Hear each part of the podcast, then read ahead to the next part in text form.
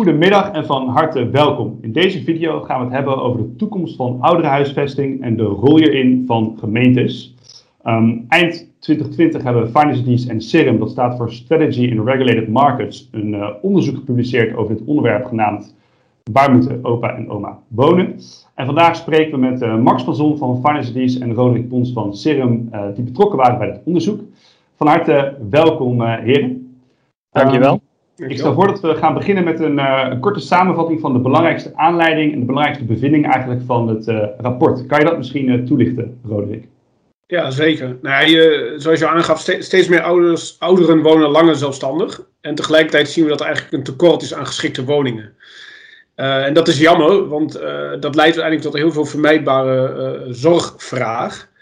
gemeenten blijken wel een belangrijke rol te spelen onvoldoende uh, woningen voor ouderen te realiseren. En wij waren benieuwd hoe ze dat aanpakten. En daarom hebben wij eigenlijk alle woonvisies van de Nederlandse gemeente op een rij gezet om te kijken hoe gemeenten met dit vraagstuk omgaan. Oké. Hm. En dan was de belangrijkste bevinding waarschijnlijk dat uh, daar nog veel te halen valt, denk ik. Nou, het staat, het staat wel bij heel veel gemeenten op een netvlies. Okay. Maar, uh, dus ze, ze, zien en herkennen het vraagstuk. Maar je merkt mhm. tegelijkertijd dat de oplossingsrichtingen divers zijn. En vaak nog weinig concreet. Dus er, gebeurt nog wel weinig mee. Ja, ja, nou we gaan die oplossingsrichtingen zo meteen uh, wat uitgebreider bespreken. Maar ik stel voor dat we gaan beginnen met echt de aanleiding van uh, het probleem. Wat is eigenlijk de, de demografische ontwikkeling waardoor uh, dit nu zo'n urgente uitdaging gaat worden, Max? Nou, er zijn eigenlijk een paar grote trends aan de gang. Um, dus je ziet dat we met z'n, met z'n allen ouder worden. Ehm, nou, veel ouder dan, eh, dan een aantal eh, decennia geleden. En tegelijkertijd komt de grote brok ehm, babyboomers van de mensen die net na de Tweede Wereldoorlog uh, zijn geboren, ehm, die komt eraan. Die worden nu, nu ook oud. Dus dat, dat noem je dubbele vergrijzing. een andere belangrijke trend is dat mensen steeds langer thuis blijven wonen. Ja, dus dat zijn eigenlijk twee trends die heel positief zijn. Ehm, langer thuis wonen, dat, uh, dat duidt erop dat uh, mensen langer uh, zelfstandig kunnen wonen en zelfredzaam zijn. En dat ouder wonen, ouder worden, dat duidt erop um, dat de gezondheidszorg goed werkt. En dat we steeds gezonder gaan leven. Dus eigenlijk is het heel positief. Ja, ja, dus in de kern is het heel positief. Alleen wat we zien is dat er een, een, probleem ontstaat eigenlijk in de, in de vraagzijde en in de aanbodzijde van ouderhuisvesting. Um, hoe, hoe, zien we dat terug in die vraag- en aanbodzijde, uh, Roderick? Wat je ziet bij op het moment dat, mensen ouder worden, uh, zijn de woningen waar ze misschien heel lang in hebben gewoond niet altijd meer even geschikt. Dat kan te maken hebben met of de woning zelf. veel trappen op moeten lopen, bijvoorbeeld bij bepaalde galerijflats. of juist de omgeving. Wonen op grote afstand van voorzieningen, zoals een, een huisarts, een apotheek of een supermarkt. En eigenlijk als je gaat nadenken over mensen die steeds slechter te been worden of, of beginnende gezondheidsproblemen krijgen, dan wil je eigenlijk en een huis waar je zoveel mogelijk ja, ongelukken kan vermijden. En op korte afstand voor voorzieningen lopen. Dus dat is heel erg de aanbodzijde. Dat type woningen wordt eigenlijk uh, onvoldoende gerealiseerd. Ja, ja, ja. Aan de vraagzijde heb je vooral te maken met de ouderen zelf. Die op het moment dat het aanbod er wel zou zijn, ook de keuze zou willen maken om daar naartoe te verhuizen. En daar zie je ook dat er een aantal problemen zijn, of problemen, vraagstukken. Uh, de enerzijds is van, nou ja, je gaat er soms gewoon in, in woonlasten op achteruit. Verhuizen van bijvoorbeeld een afbetaalde koopwoning naar zo'n nieuwe woning kan een verhoging van je woonlasten betekenen. Ja. Daarnaast is de verhuisbereidheid in algemene zin laag, want mensen willen eigenlijk gewoon niet weg uit hun buurt. Mhm. Dus je ziet dat dat een uh, logische, maar wel lastige vraagstukken zijn om uh, zowel aan de vraagzijde als aan de aanbodzijde een, een, een betere match ja. te realiseren. Ja, ja. en dat, dat leidt tot soms wel problemen. Ik kan me herinneren dat er ook een uh, grafiek is uh, gedeeld door Max, waarin je ziet dat het aantal uh, ongelukken bij traplopen bijvoorbeeld sterk is toegenomen. Dus ik kan me voorstellen dat het best wel belangrijk is dat we hier een oplossing voor vinden. Maar die is er nog niet echt concreet. Hoe komt dat eigenlijk, Max? Wat, wat maakt het lastig om dit vraagstuk op te lossen? Nou, de oplossingen die zijn er deels al wel. Um, ik denk ook dat steeds meer uh, gemeenten en woningcorporaties um, ja, meer, zien dat er meer woningen moeten komen en daar ook op inzetten. Maar uh, de schaal is nog niet groot genoeg om het probleem uh, volledig op te lossen. Nee, dat, dat klopt zeker. Ja. Um, wat wij eigenlijk zagen is dat er sprake is van een split incentive. Dat wil dat wil zeggen dat ehm, als de ene partij investeert, ehm, dan zijn de opbrengsten van die investering ehm, niet per se voor die ene partij. Dus je kunt, eh, je kunt je bijvoorbeeld voorstellen als een woningcorporatie investeert in een uh, woonvorm voor ouderen, waar veel ouderen bij elkaar uh, wonen. Um, dat dat een voordeel oplevert voor een zorgpartij die mm -hmm. alleen maar naar dat ene complex toe hoeft om zorg te leveren. Mm -hmm. uh, die zorgpartij hoeft niet meer bij alle um, verschillende huizen langs um, om die zorg steeds individueel voor die ene persoon uh, te leveren. Ja. dus dat is een voorbeeld. En je hebt ook een, een voorbeeld van, van de grondprijzen. als jij een locatie met betaalbare ouderenwoningen wilt realiseren, dan uh, speelt de prijs van de grond daar ook een rol in. Als jij als gemeente de grond voor een lagere prijs aanbiedt om oudere woningen te realiseren, ja, dan, dan zit daar eigenlijk een negatieve prikkel voor die gemeente om die grond voor die uh, bestemming uit te geven. In plaats van voor een bestemming waar ze misschien meer geld voor kunnen krijgen. Ja. En uh, nu is de bevinding van het onderzoek eigenlijk dat, uh, of een van de bevindingen, dat de uh, gemeente uniek geposi gepositioneerd is om dit vraagstuk op te pakken. Wat maakt dat de gemeente zo goed gepositioneerd is, Roderick?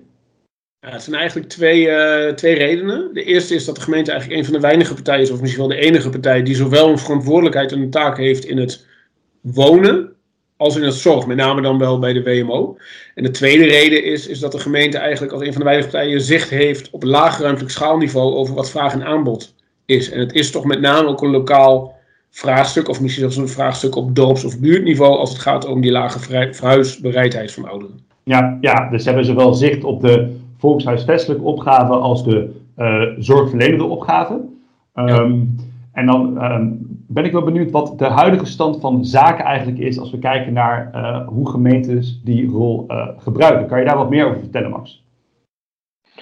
Um, ja, dus uh, wat we eigenlijk gedaan hebben in het onderzoek um, is we hebben gekeken naar of dat de gemeente zes thema's benoemen die we van tevoren hebben aangestipt. Dus mm -hmm. dat zijn grote thema's in, binnen het thema wonen en zorg. Dus dan heb je het over um, doorstroming, over het aanbod van voldoende woningen, maar ook bijvoorbeeld over eenzaamheid. Um, en daar hebben we gekeken of dat we ze benoemen. Um, dan krijg je één punt. En dan helemaal aan het einde, als je ook een doel stelt en dat doel monitort. Dus als je -hmm. bijvoorbeeld zegt, we gaan een x aantal woningen bijbouwen en dat uh, monitoren we op deze manier, dan krijg je vijf punten. En zo hebben we eigenlijk um, nou, alle woonvisies van uh, gemeenten um, uh, beoordeeld.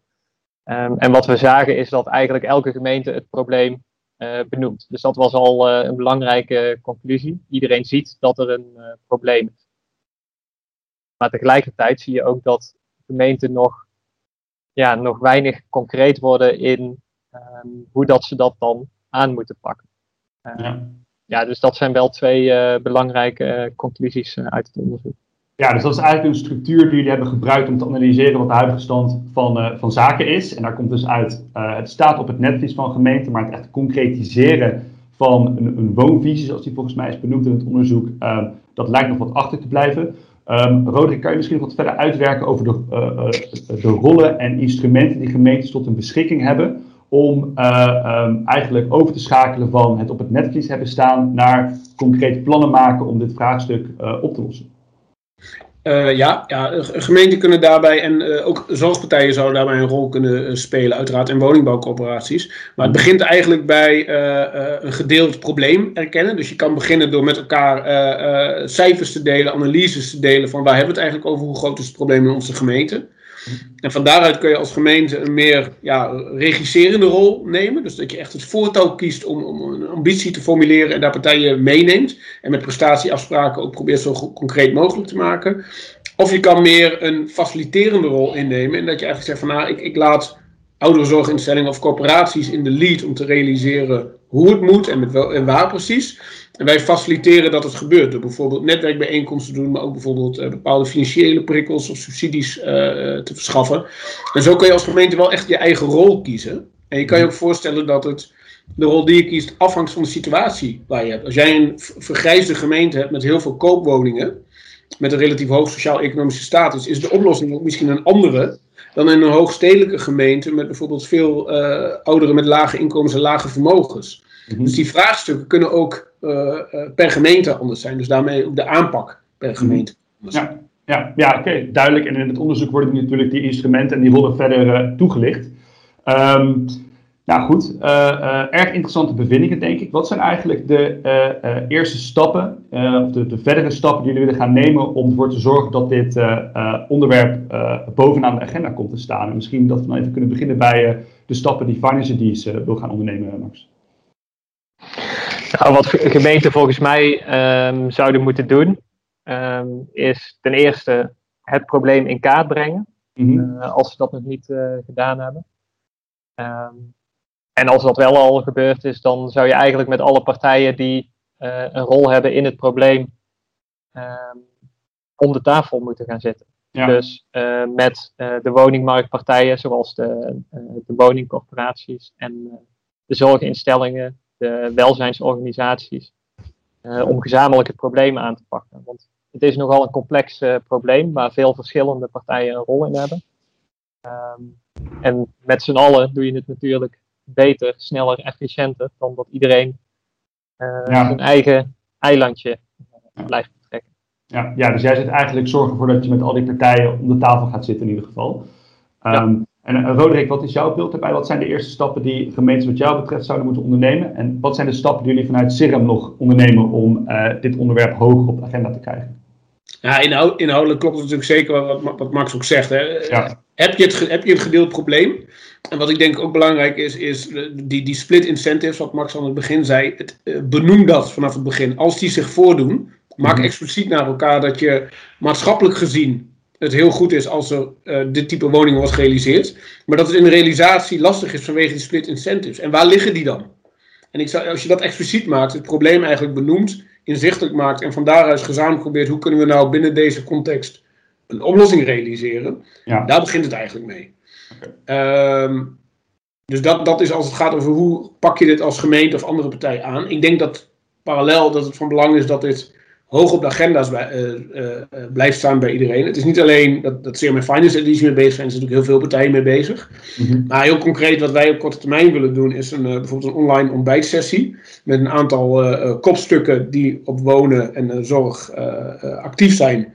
Eigenlijk een gezamenlijke discussieochtend uh, sessie hebben. Waarin we hmm. deze vraagstukken uh, naar voren brengen. En ook gezamenlijk kijken van wat zijn de oplossingsrichtingen die zij zien. Dus wij proberen het agenderend ja. overal bovenaan te zetten. En parallel werken wij ook gewoon in de praktijk in bepaalde regio's graag samen met deze partijen. Oké, nou.